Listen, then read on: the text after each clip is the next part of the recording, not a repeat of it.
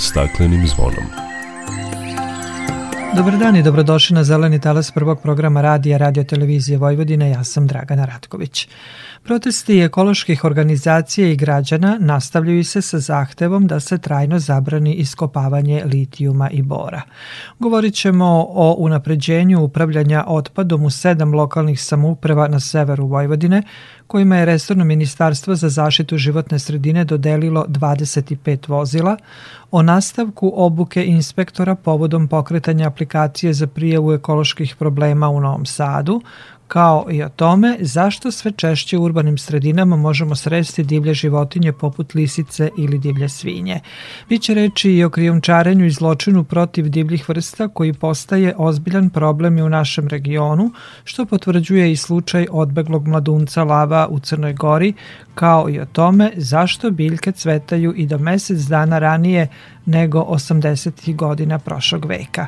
Toliko u najavi o ovim i drugim temama opširnije nakon pozdravne pesme. Dok priroda kraj nas plače Za vladarskim svojim tronom Tužno vele narikače Pod staklenim smo zvonom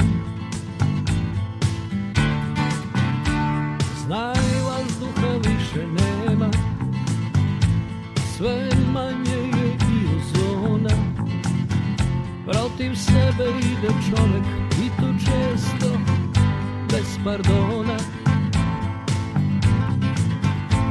Uništenju živog sveta Kao da su ljudi skloni Čovek sam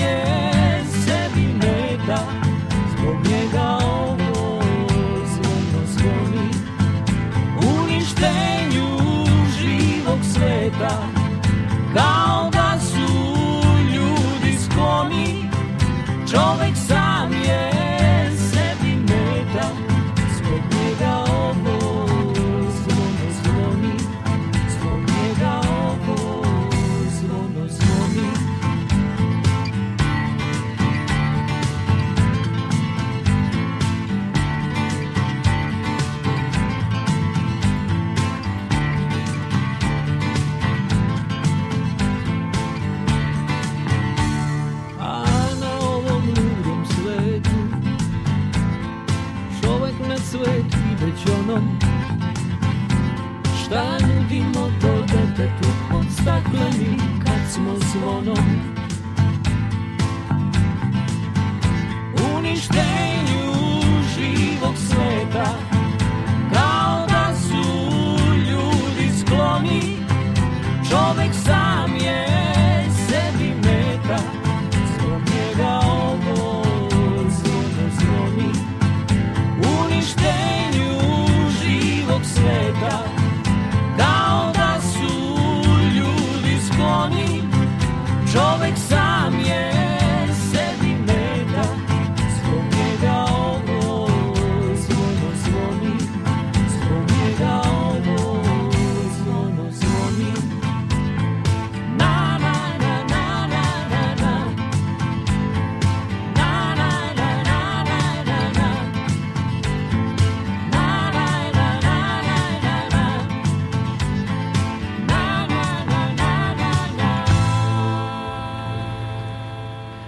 Protesti Saveza ekoloških organizacija Srbije i inicijative Kreni promeni ispred predsjedništva se nastavljaju sa zahtevom da se trajno zabrani iskopavanje litijuma i bora u Srbiji. Prema rečima Zlatka Kokanovića iz udruženja Ne damo Jadar iz Gornjih Nedeljica, predstavnici ekoloških udruženja kampovaće ispred predsjedništva sve dok ne budu ispunjeni njihovi zahtevi. Protesti će potrajati oko sedam dana, a nakon toga će biti pokrenute radikalne mere. Razlog za radikalizaciju je to što Rio Tinto i pored ukidanja prostornog plana i dalje kupuje parcele, što sa ljudima preko noći seče šuma i što im se upada na privatne posede, navedeno je u saopštenju Kreni promeni.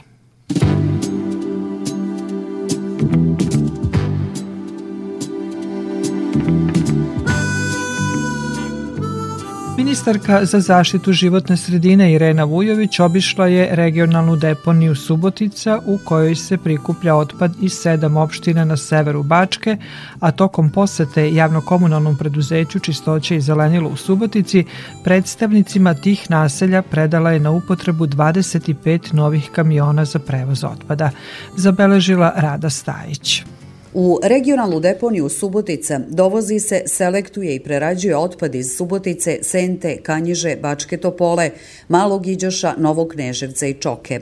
U prisustvu gradonačelnika Subotice i predsednika ovih šest opština, postrojenje u koje je investirano 24 miliona evra kako bi bio rešen problem upravljanja otpadom sa područja na kome živi ukupno 260.000 građana, obišla je ministarka zaštite životne sredine Irena Vujović. Ona je posetila i javno komunalno preduzeće Čistoće i Zelenilo, gde je čelnicima šest opština i grada Subotice predato na upotrebu ukupno 25 novih kamiona za prevoz otpada.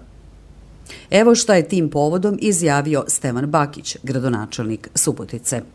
Vrednost ove nabavke je 320 miliona dinara, naročito ističem zahvalnost ministarki gospođi Ireni Vujović koja je dala ogromnu podršku kod realizacije ovog projekta. Subotica je dobila sedam kamiona, a preostalih 17 podeljeno je za potrebe šest opština koje takođe otpad prevoze u regionalnu deponiju. Jedna od njih je i Bačka Topola. Evo šta je tim povodom izjavio Adrian Satmari, predsednik ove opštine. U okviru ovog projekta opštini Bačka Topola dodeljena su četiri e, kamiona za odvoženje e, komunalnog otpada. Zahvaljujući ovoj opremi e, bit ćemo mnogo efikasniji. Ministarka zaštite životne sredine istakla je da je upravljanje čvrstim otpadom kroz rad regionalnih deponija jedan od prioriteta države i izrazila nadu da će novi kamioni za prevoz otpada značajno doprineti postizanju tog cilja. Mi danas imamo na jednom mestu opremu vrednu skoro 3 miliona evra. Svi ovi 17 auto smećara, 8 auto podizača otići će u pomenutih sedam opština, odnosno jedan grad i šest opština i to će značajno unaprediti kvalitet životne sredine i upravljanje čvrstim otpadom. Ministarka zaštite životne sredine Irena Vujović podsjetila je da je u toku prijava na konkurs za zamenu kotlova i pošumljavanje, te da uskoro sledi javni poziv za uklanjanje divljih deponija. Ona je pozvala građane da posredstvom aplikacije ministarstvo na čijem je čelu prijave lokacije gde se nelegalno odlaže otpad i izjavila da je na ovaj način do sada prijavljeno oko 600 ekoloških problema u Srbiji.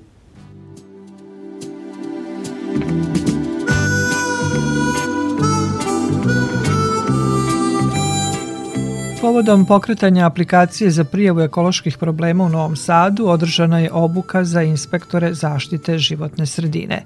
Građani putem aplikacije mogu da prijave ekološke probleme u svom okruženju i, i tako učestvuju u njihovom rešavanju, poručuju stručnjaci i dodaju da je informacionim sistemom aplikacije obuhvaćena cela Srbija. Pojedinosti Maja Stojanac. Životna sredina je sve ugroženija, kaže predsjednik opštine Srbobran Radivoj Debeljački i dodaje da je podizanje svesti o zaštiti okoline veoma važno. Pokretanje aplikacije, čiji je cilj prijava postojećih ekoloških i komunalnih problema, olakšaće rad nadležnim institucijama. Stoga je, naglašava Debeljački, obuka inspektora za primjenu te aplikacije veoma korisna. Obuka se, kako kaže, sprovodi prvi put. Mnogo će nam olakšati to na lokalu, zapravo svim lokalnim samoupravama će biti dostupno korišćenje ovog informacijnog sistema i naravno građani će moći da prijavljuju probleme koji nastaju na teritorijama naših opština. Ministarstvo zaštite životne sredine pokrenulo tu aplikaciju 31. januara, kaže državna sekretarka iz tog ministarstva Jelena Tanasković, objašnjavajući da je osnovni cilj aplikacije jednostavnija prijava postojećih ekoloških problema. Ona je, naglašava Tanasković, osmišljena tako da bude dostupna i razumljiva svim građanima. To mogu raditi putem aplikacije koja se besplatno skida na Google Playu ili Apple Storeu. Aplikacija se zove G-React ili putem telefona 0800 003 003 ili slanjem SMS i MMS poruka na broj telefona 066 45 001. Prema njenim rečima, prijeve građana prosleđuju se nadležnim institucijama, koje u roku od 7 dana moraju da ustanove problem, kao i rok za njegovo rešavanje. Za manje od 10 dana aktiv aktivnog rada aplikacije stiglo je, naglašava Tanasković, više od 200 prijava građana. Najviše ima prijava deponija divljih, to je nešto što evo najveći procenat je preko, preko skoro 50%. Ima puno problema što se tiče uh, veterinarske inspekcije, uopšte uginulih životinja i ljudi prijavljuju i zagađene reke i sve ostalo što im smeta i buku. Ta aplikacija je veoma praktična, te će značajno doprineti rešavanju ekoloških i komunalnih problema u opštinama širom Srbije, kaže načelnik Južnobačkog okruga Milan Novaković. To znači građani će moći svojim telefonom da uslikaju, da prikažu, da pošalju ministarstvu tačno gde se nalazi lokalitet određenog mesta gde se vrše zagađenja i da naše inspekcije na terenu reaguju. Veoma brzo, vrlo efikasno, vrlo korisno i da pokažemo svima da stvarno vodimo brigu o životnoj sredini. Obuci su prisustovali inspektori za zaštitu životne sredine i Sremskog i Južnobačkog okruga, a ona će biti sprovedena i širom zemlje, navode u Ministarstvu za zaštitu životne sredine.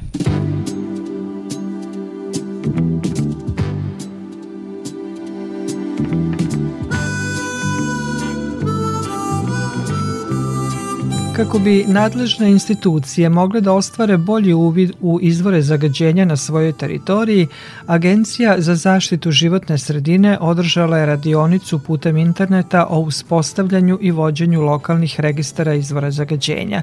To će omogućiti lokalnim institucijama da donose planove i mere kako bi bilo sprečeno i smanjeno zagađenje i očuvani prirodni resursi, stoji u saopštenju Agencije za zaštitu životne sredine. Predstavnici relevantnih institucija iz više od 100 lokalnih samouprava širom Srbije aktivno su učestvovali u radionici, a do kraja marta će prvih 15 opština i gradova imati potpuno uspostavljene svoje lokalne registre.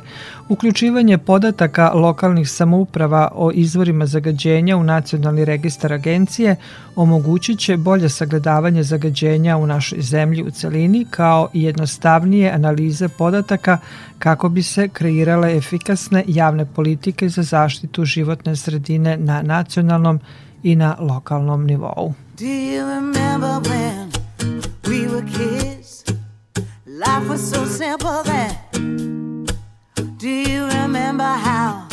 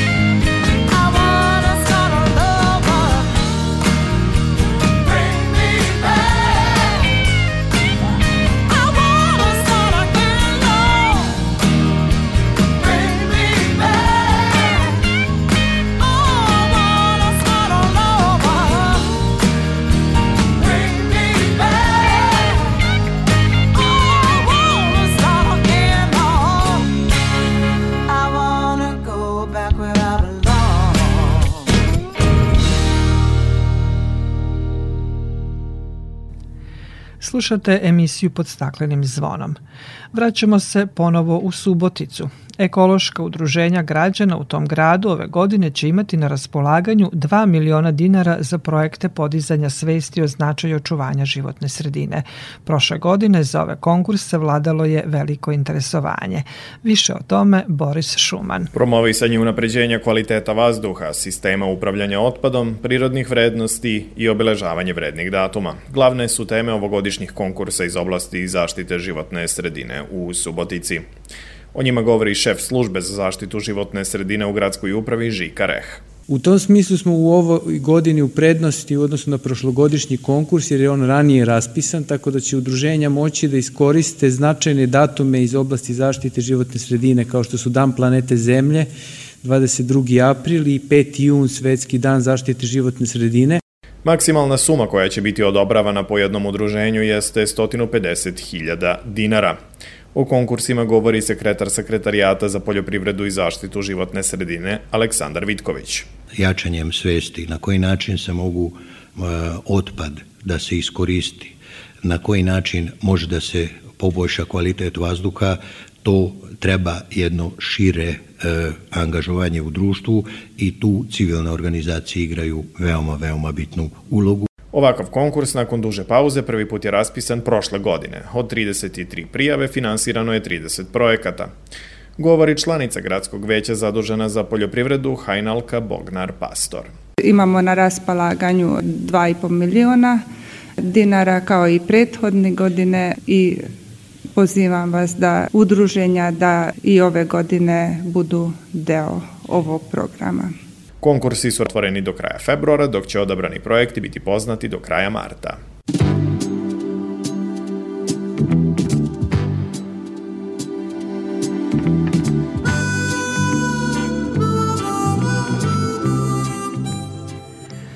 A grad Sombor je poslednjih nekoliko godina izdvojio značajan novac kako bi u gradu i naseljenim mestima rešio i unapredio vodosnabdevanje. Pored stare fabrike vode, u Somboru je ranije izgrađena još jedna koja ima kapacitet da bi se na nju pripojila dva sela.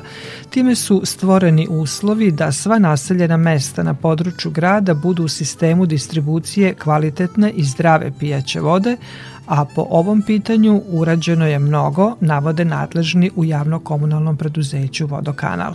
Prvo selo koje je dobilo kvalitetnu vodu za piće iz Somborske fabrike vode je Čonoplja, nakon čega su je dobili stanovnici sela Kljajićevo, a trenutno se gradi booster stanica u Staparu. O tome Vesna Milanović-Simičić. Stapar je još jedno selo na području grada Sombora koje će dobiti novu booster stanicu za pijaću vodu. I time će 1356 domaćinstava imati vodu iz Somborske fabrike vode Jaroš.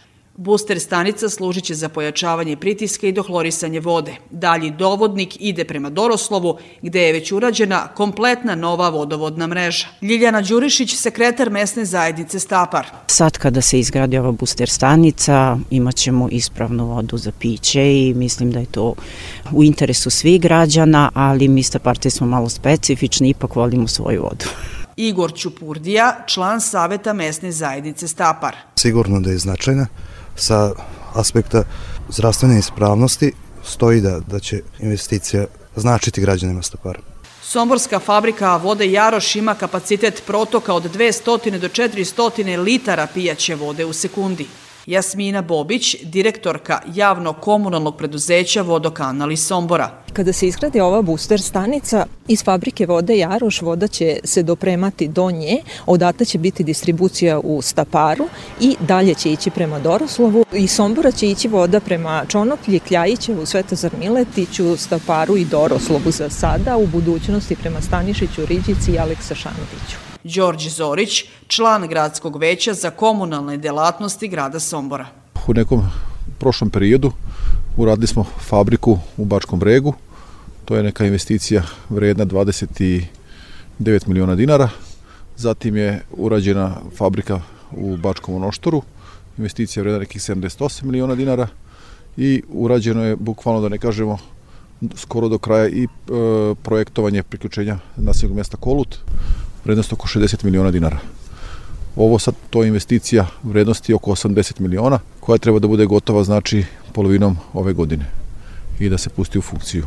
U selu Telečka trenutno se radi projekat za izgradnju mini postrojenja za preradu vode, a ista su predviđena u Rastini i Gakovu, a takva već imaju sela Bački breg i Bački monoštor.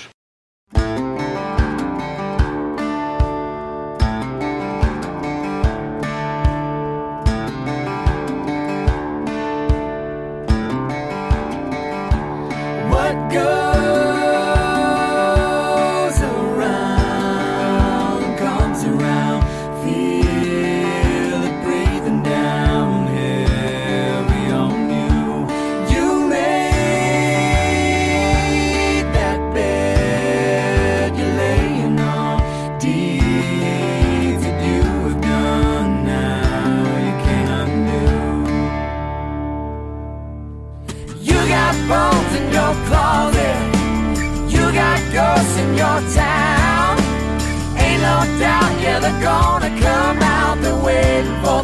go.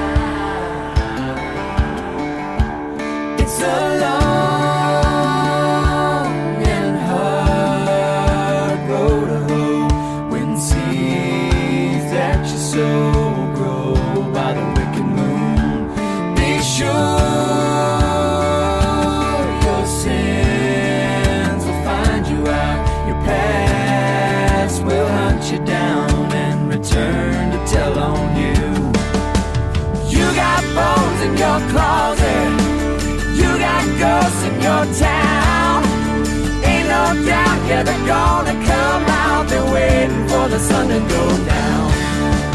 You can't hide from your demons. Feel them all lurking around. You're running scared cause you know they're out there. They're waiting for the sun to go down.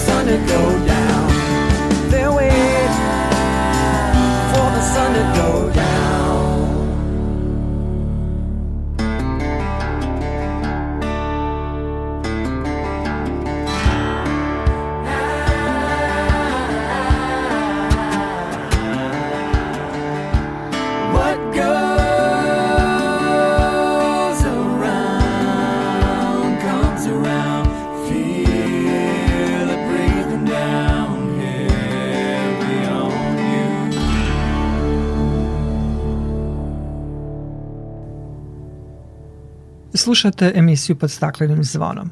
U gradskim sredinama, pored uobičajenih životinja koje žive u našem okruženju, se više susrećemo divlje životinje kao što su lisice ili divlje svinje. Oni koji žive na Limanu u Novom Sadu ili u Petrovaradinu često sreću lisice, a duže obale Dunava ponekad mogu videti divlje svinje. Otkud životinje u gradu i kako se ponašati ako slučajno sretnete divlje životinje, čućemo od profesorke Olivere Bjelić Čabrilo sa Prirodno-matematičkog fakulteta u Novom Sadu.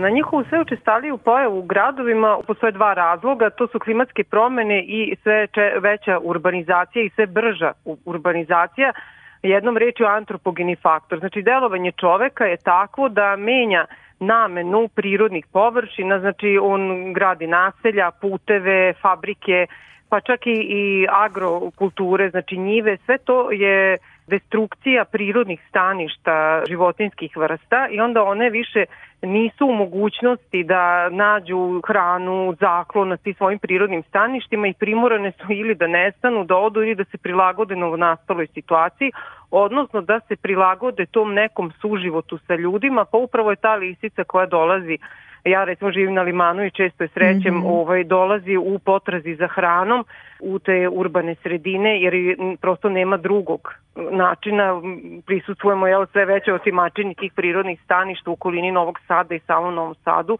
i posledica toga jeste da će životinje sve češće dolaziti u potrazi za hranom, sklonište, mestom za razmnožavanje u gradove. Znači ona jeste divlja životinja i naravno ukoliko se oseti ugroženom da će se braniti.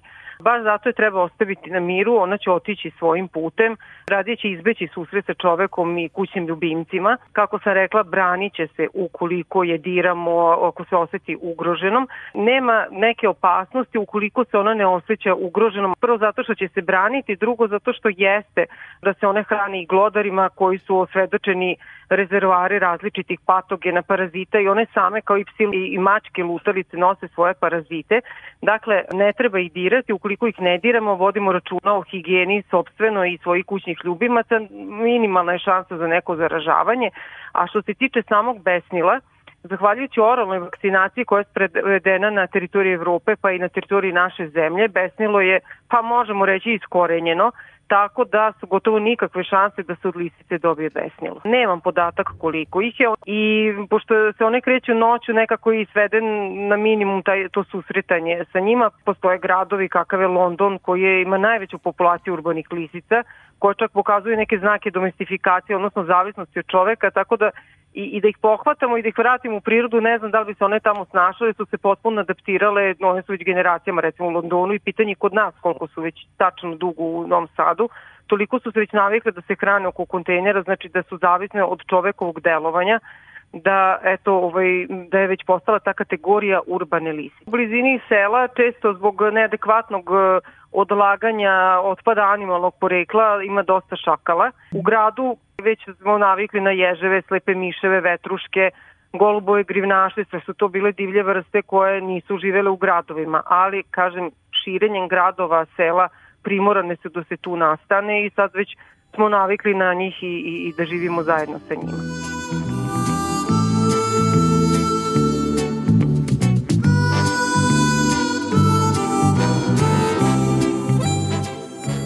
Slušate emisiju pod staklenim zvonom. Kao što ste čuli, u gradskim sredinama, pored uobičajenih životinja koje žive u našem okruženju, se više susrećemo i one divlje poput lisice ili divlje svinje, ali je svakako neuobičajeno da susretnete divlju životinju poput lava. Ovih dana smo pratili potragu za mladuncem Lava Simbom koji je 21. januara išetao iz doma stranog državljanina koji je nastanjen u Budvi. Pre nekoliko dana Lavić je uhvaćen i smeštena sigurno. Simba je pronađen u jednoj kući na selu Kakrapini na teško dostupnom terenu. U potrazi je učestvovala policija, vatrogasci kao i građanski aktivisti. Prema rečima direktora Agencije za zaštitu životne sredine Crne Gore Milana Gazdića, cilj je da životinju vrate u njeno prirodno stanište, a to bi prema nekim proračunima moglo koštati više od 100.000 evra. Po zakonu, kako je pojasnio, te troškove trebalo bi da snosi onaj koji je izazvao ovu situaciju. On je rekao da će biti podnete krivične prijeve kako bi se utvrdilo ko je prokrijumčario mladunče lava u Crnu Goru. Slučajevi poput ovog jasno potvrđuju da su zločini protiv divljih vrsta ozbiljan problem i u našoj regiji. Svetska organizacija za prirodu WWF upozorila je na ozbiljnost ove vrste kriminala i ukazala na to da je ovaj slučaj jasan primer mnogo ozbiljnijeg problema. Tim povodom razgovaram sa Irenom Rajičević iz WWF Adria kancelarije u Beogradu. Irena, dobar dan i dobrodošli na Zeleni talas Radio Novog Sada. Dobar dan i hvala što ste me pozvali da pričamo o ovom zaista, kako ste i najavili, ozbiljnom problemu. Slučaj mladunca Lava koji je pobegao s privatnog imanja u Budvi upozorava na mnogo veći problem, a to je nezakonita trgovina divljim vrstama ne samo kod nas, nego u Evropi i svetu. Naime, lav je navodno u privatnom vlasništu stranog državljanina smeštanog u Budvi, ali ne postoje podaci o njegovom uvozu što ukazuje na to da je u zemlju najverovatnije ušao nezakonitim putem. Takvih slučajeva ima sve više u svetu, što ukazuje samo da je trgovina divljim vrstama rasprostranjena i predstavlja unosan biznis. Tako je, kao što smo uvideli, četvrta najunosnija aktivnost organizovanog kriminala na svetu su kažnjiva dela protiv prirode i životne sredine, odmah posle trgovine ljudima, drogom i oružjem. Tu spada i krijumčarenje, ali i krivolov i trovanje zaštićenih divljih vrsta. Mi u WWF-u smo u regionu od skora započeli kampanju zločini protiv živih bića su zločini protiv života sa namerom da skrenemo pažnju na ovaj ozbiljan problem. U okviru našeg projekta posvećenog suzbijanju kažnjivih dela protiv divljih vrsta.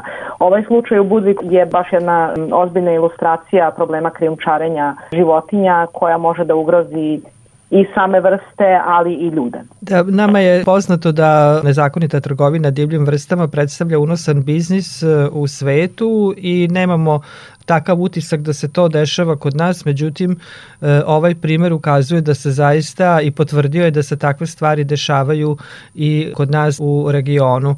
Ono što je posebno važno u ovoj priči kada govorimo o krijumčarenju divrih vrsta je da to ima i katastrofalne posledice po biološku raznovrsnost i mnoge vrste dovode do ivice izumiranja. Tako je, dakle, kao što ste i rekli, prvo u pitanju su velike štete i po državu i po ekonomiju i po ljude, znači kažnjiva dela protiv životne sredine nas globalno koštaju, procene su 258 milijardi dolara godišnje, ali pored toga takođe štete i prirodi i planeti. E, mnoge vrste su na rubu izumiranja, mi ovde pričamo o zaštićenim divljim vrstama, koje su već izuzetno ugrožene. Na primer, trenutno je ugrožena 71 vrsta ptica u Evropi, među kojima je i orao krstaš, ptica sa našeg grba, u kojoj postoji samo tri gnezdeća para u Srbiji trenutno. Kada su u pitanju vrste koje nisu čak lokalne poput lava, to nije vrsta koja treba da, da bude na našem području, ovo je, nije prirodno stanište, to ugrožava bioraznovrstnost na taj jedan drugi način da dovodi u rizik e, lokalne vrste. Da, lava ne možemo zaista smatrati kućnim ljubimcem, u ovom slučaju je to baš ispalo tako. Apsolutno, u pitanju su divlje životinje i u pitanju su opasne vrste, lav ne bi smeo nikako da se u startu našao u zemlji ovako bez ikakve papirologije, bez ikakvih obezbeđenih uslova. To nije kućni ljubimac, to je divlja životinja i mi u WWF-u se često susrećemo sa tim problemom da ljudi prijavljuju konflikt između divljih vrsta i čoveka i um, u regionu i sa lokalnim vrstama i to je nešto što doprinosi i do povećanja kažnjivih dela protiv divljih vrsta. Mi uh, kroz razne projekte radimo na tome da umanjimo te konflikte i da omogućimo bezbedan suživot između divljih vrsta i čoveka u našem regionu ali onda kada se ovako nešto desi to, to definitivno ne pomaže. Da, pored divljih životinja krijomčare se delovi divljih vrsta i njihovi derivati koji se koriste u alternativnoj medicini ili za neke druge svrhe, to takođe je kažnjivo. No, apsolutno, dakle u Evropi se dosta vidi krijumčarenja i živih životinja, ali i životinskih delova.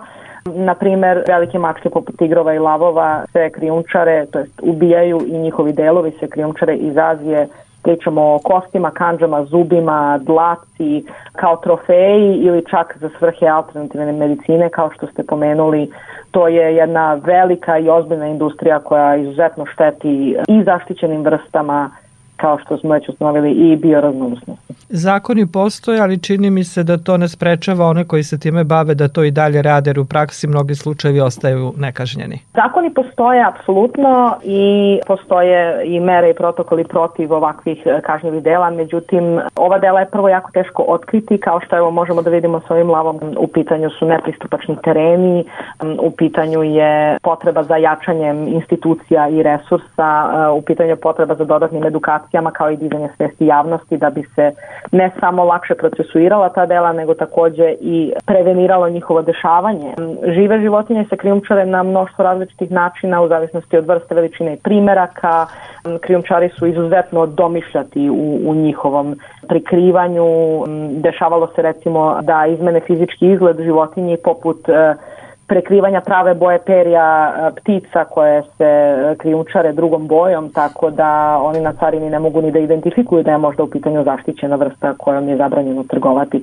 Tako da je u pitanju jedna vrlo izazovna grana kriminala koju je teško suzbiti i zbog toga je i pokrenut ovaj projekat e, u okviru kojeg nam je cilj da osnažimo institucije, da uradimo jednu analizu sistema trenutno je u izradi nacionalni izveštaj koji će biti gotov početkom marta, nadamo se, u okviru koje ćemo moći da izađemo sa nekim preporukama i pomognemo institucijama sa nekim sistemskim rešenjima da, da se ovo napredi i da se više ne dešava u velikoj meri. To će biti prilika svakako da onda početkom marta kada se obeležava Svetski dan divljih vrsta 3. marta da malo više porazgovaramo o tome i da čujemo šta kaže vaš e, izveštaj, kakva je situacija u našoj zemlji kada je reč o krijumčarenju i trgovini e, divljim vrstava.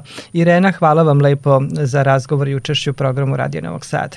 Hvala vama i čujemo se u martu. Da, svakako prijetno.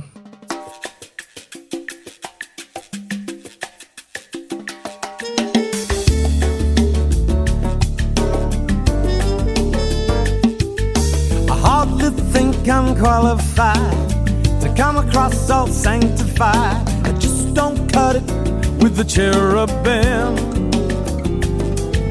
The town's already on its knees. Being worshipped is a breeze. I barely know the words to any hymn. Listen, if we don't comply with the locals' wishes, I see us being sacrificed or stuffed. Let's be gods, the perks are great. El Dorado on a plate. Local feelings should not be rebuffed. It's tough to be a god, tread where mortals have not trod. Be deified when really you're a sham be an object of devotion, be the subject of songs. It's a terrifying notion, all those prayers those salams. And a normal man would bridle if he's forced to be an idol. And the normal man's exactly what I am. All the same, it's pretty clear. The scoundrels don't keep much up here. They must have zillions under lock and key. Gods can force them to unleash enough to make us a nouveau riche beyond our wildest dreams. So follow me. Can't you see I won't relax? If religious maniac tell me I'm all powerful and sublime.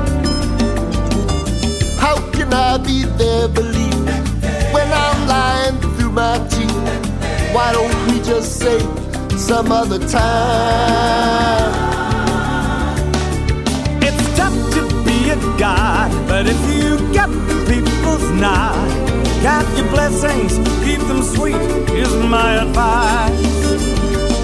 Be nirvana, be salvation, be all things to all men.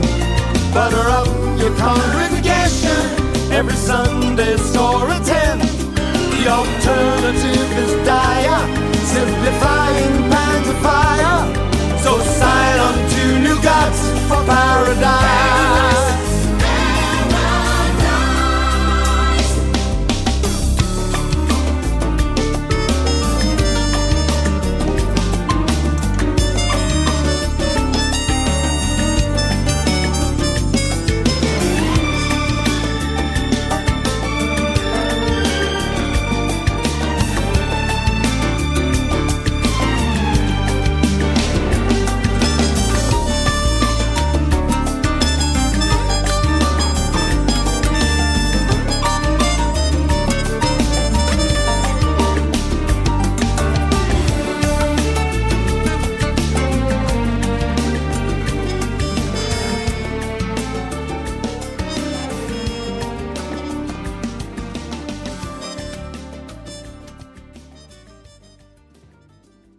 Slušate emisiju pod staklenim zvonom. Ovih dana imali smo lepo vreme sa temperaturama iznad proseka za ovo doba godine. Ni zima nije bila tako oštra i hladna kao nekada.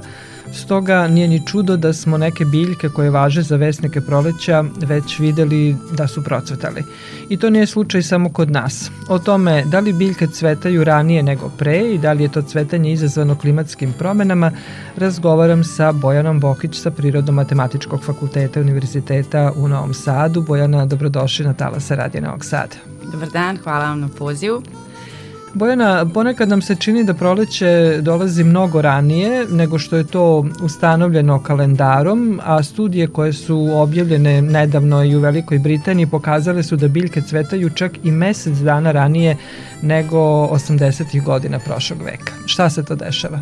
Jeste, pa da, brojne studije kako e, biologa, botaničara, tako i geografa, meteorologa, ljudi koji se bave zaista tim temperaturama, mere ih, upoređuju podatke koji imaju od pre 20, 30 i više godina, pokazuju da se na globalnom nivou temperatura povećala za nekoliko stepeni i mi kao država Srbija, kao deo jednog kontinenta Evrope, ne možemo tu biti izuzetak. I kod nas se to isto dešava, s tim da kod nas nema tih nekih studija kao što je ta iz Britanije, gde su oni zaista uzeli neverovatan set podataka, to je, mislim, oko 400.000 podataka i oko 400 biljaka obradili e, i zaista pokazali da biljke cvetaju u prosjeku, ne znam, 5-6 dana ranije u nekim urbanim sredinama kakvi su gradovi u odnosu na ruralne, da brže cvetaju u podnožju u odnosu na vrh planine i to je zaista slučaj kod nas, samo ja to nemam nekom naučnom studijom da, da potkrepim. Kod nas recimo se ljudi mnogo bave e, studijama koje uključuju recimo voće, ili ne znam kulture koje gaje jer je to prosto jako važno jer nam je isplativo i hranimo se i živimo od toga, izvozimo.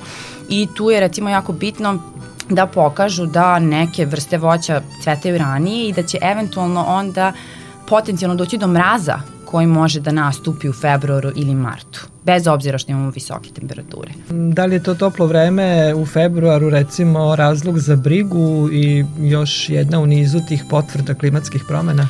Jeste sigurno potvrda klimatskih promena, to neverovatno i značajno povećanje temperature i sigurno jeste razlog za brigu zato što, posebno za taj deo biodiverziteta, zato što brojne vrste biljaka, ukoliko cvetaju ranije, može da se desi da u budućnosti se nesretnu sa svojim uprašivačima razumete? I da, da onda uopšte ne dođe... Dolazi do neusklađenosti. Jeste, da. I tu zaista postoji termin koji se zove ekološka neusklađenost, da se neće sresti neki oprašivač i biljka i da neće doći do reprodukcije, odnosno u manjoj meri će recimo doći do reprodukcije i neće se možda desiti ta unakrsna ovaj, oplodnja, odnosno oprašivanje. Sa druge strane, insekti, a recimo posebno pčele koje su nam najvažnije danas i zaista se o tome mnogo govori, gube svoj izvor hrane recimo u tom nekom početnom periodu. I kod nas se moglo zapaziti čak i, i u januaru, a mhm. posebno uh -huh. sada u februaru cvetanje tih vesnika proleća, uh -huh. kako mi kažemo, i visiboba i ljubičice i tako dalje. Da li je mhm. kod nekih drugih biljaka primećeno da one ranije cvetaju? Pa sve te što ste naveli, osim recimo ja bih dodala kukurek, e, divlji zumbuli, jagorčevina, to je nešto što sam ja prosto primetila, uh -huh. iako nemam možda mnogo godina, ovaj, pa nemam tima ni mnogo iskustva, ali ja svakako sećam se kad sam bila dete da je to nekako sve bilo kasnije nije. A sad kako sam recimo ovde i počela sam da idem u Frušku goru u posljednjih, ne znam, 8 godina, ja vidim da se sve to pomerilo, makar za dve nedelje, ako ne i više. A sigurno sam da bi stariji sugrađani mogli da potvrde ovaj, slično iskustvo. Kako Jer, bi to posledice moglo izazvati u budućnosti? Pa svakako da bi neke vrste kao što su biljke, one zaista odmah reaguju, pre svega te neke zeljaste biljke koje su prve tu, koje će osetiti tu promenu u odnosu na žbunje ili na drveće, svakako će mnogi od njih prosto negativno to doživeti, odnosno promeniti, morat će promene prosto svoj način života. Neki od njih neće dobro reagovati, verovatno će to uticati drastičnije na njih, a neki će se opet prilagoditi i nastaviti svoj put, svoj život i evoluirati na neki drugi način. Da, zeljaste biljke očigledno se brže prilagođavaju Jeste. na novonastale klimatske uslove.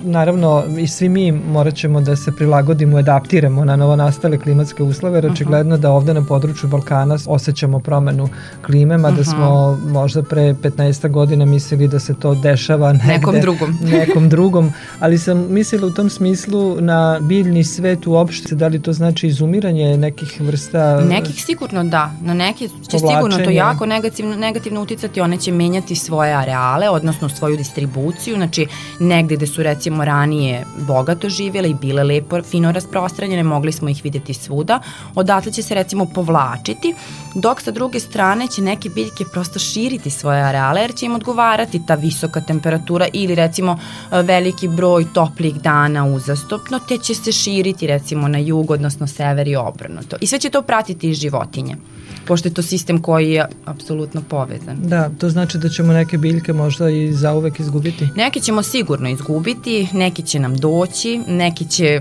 prosto otići na neka druga mesta, odnosno staništa na kojima recimo nisu bila, ali to je proces koji trenutno traje, mislim mi smo sigurno svedoci da se to već dešava. Da li možemo mi nešto kao ljudi da intervenišemo, da to malo ublažimo?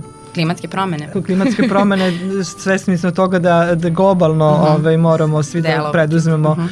određene mere i na nacionalnom nivou, uh -huh. ali i mhm. na globalnom nivou, ali mislila sam nekom intervencijom, znamo da neke vrste mogu da se vrate na određene područje i sve u ovom slučaju da li neke biljke možemo nekom intervencijom da zadržimo ili svakako da neke možemo, ali ja bih to zaista ostavila, da kažem tako, stručnjacima koji se bave biodiverzitetom, procenom biodiverziteta, i kasnije samim nekim intervencijama u prirodi. Mislim, to ništa nije ovaj lagan proces i to stvarno mora da nekako poznaje jako dobro i biologiju i ekologiju i njen odabir staništa i u skladu s tim i da deluje eventualno ako je sa nekog mesta iščezla, da je preseli na neko drugo adekvatno mesto, odnosno stanište. Lepo vreme koje nas sve obraduje kao ovo što Aha. je u februaru sigurno nije dobro za prirodu, to baš i nije tako dobra vest? Pa nije potpuno dobra vest, ali nije ni tako katastrofalna i dramatična. Ja to ne bi tako doživela, jer mislim da je ovo neki proces na koji mi sada u ovom momentu kao jedinke možemo jako malo da, mislim slabo možemo da utičemo, jedino zaista zajedno i globalno možemo ovo nekako da ublažimo, ovo globalno zagrevanje koje se dešava i u kom živimo. Da, i to je očigledan primer klimatskih promena na delu. Da. Mislim, zemlja svakako ima svoje cikluse kroz koje ona prolazi i ovo se dešavalo u prošlosti. Mislim, Samo smo ubrzali klimatske Nas je mnogo, mnogo trošimo, mnogo gorimo, tako da verovatno smo samo ubrzali taj proces. Hvala vam lepo za razgovor i učešću u programu Radio Molim, Hvala vama.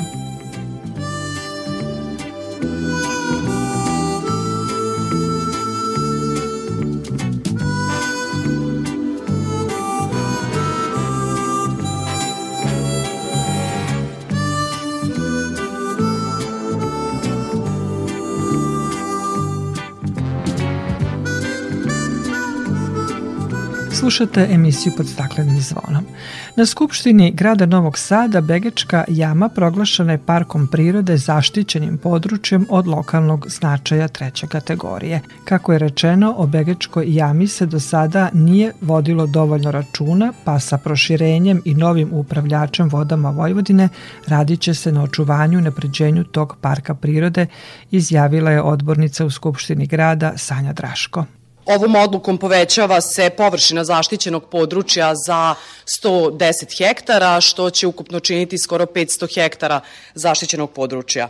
U postupku ove odluke i donošenja ove odluke sproveden je javni uvid i javna rasprava, a stručna i naučna osnova odluke je studija zaštite pokrajinskog sekretarijata za zaštitu prirode. U cilju efikasne i efektivne buduće zaštite ovog parka prirode, kao i do sada, to će biti zaštićeno područje od lokalnog značaja, Ono što nama daje razlog za optimizam jeste što menjamo upravljača i što će u buduće javno vodoprivredno preduzeće Vode Vojvodine svojom strukom, svim svojim kapacitetima, sigurni smo taj posao odlično raditi. Očuvanje prirodnih vrednosti ovog područja svakako da zahteva planirane i stručne, odnosno kompetentne aktivnosti na očuvanju parka prirode i nemamo sumnju da će se to u buduće na visokom nivou zapravo i desiti. Cilj e, gradonačelnika Miloša Vučevića je da očuvamo novosadsku lepoticu i da otvorimo perspektivu daljem budućem razvoju i ekoturizma i ribolovnog turizma i izletničkog i edukativnog turizma i napravimo jednostavno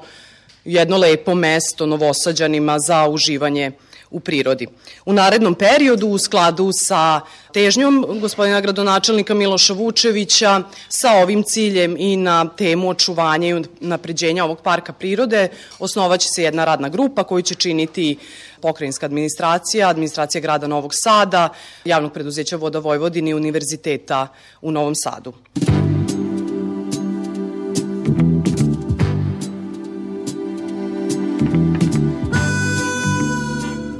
Slušate emisiju pod staklenim zvonom. U toku nedavno završenog međunarodnog zimskog popisa ptica vodenih staništa, ornitolozi, članovi i volonteri Društva za zaštitu i proučavanje ptica Srbije zabeležili su prisustvo mnogih ptica netipičnih ili redkih u zimskom periodu za naše podneblje, kao što su ražanj, gak, crvena lunja, zlatni vivak, crvena čaplja i među njima jedna od najkrupnijih ptica u Srbiji, kudravi nesit, najveći u porodici nesita, u narodu poznatoj i kao pelikani. Ova impozantna ptica od kljuna do repa može biti duga 183 cm, a njen raspon krila seže do neverovatnih 320 cm.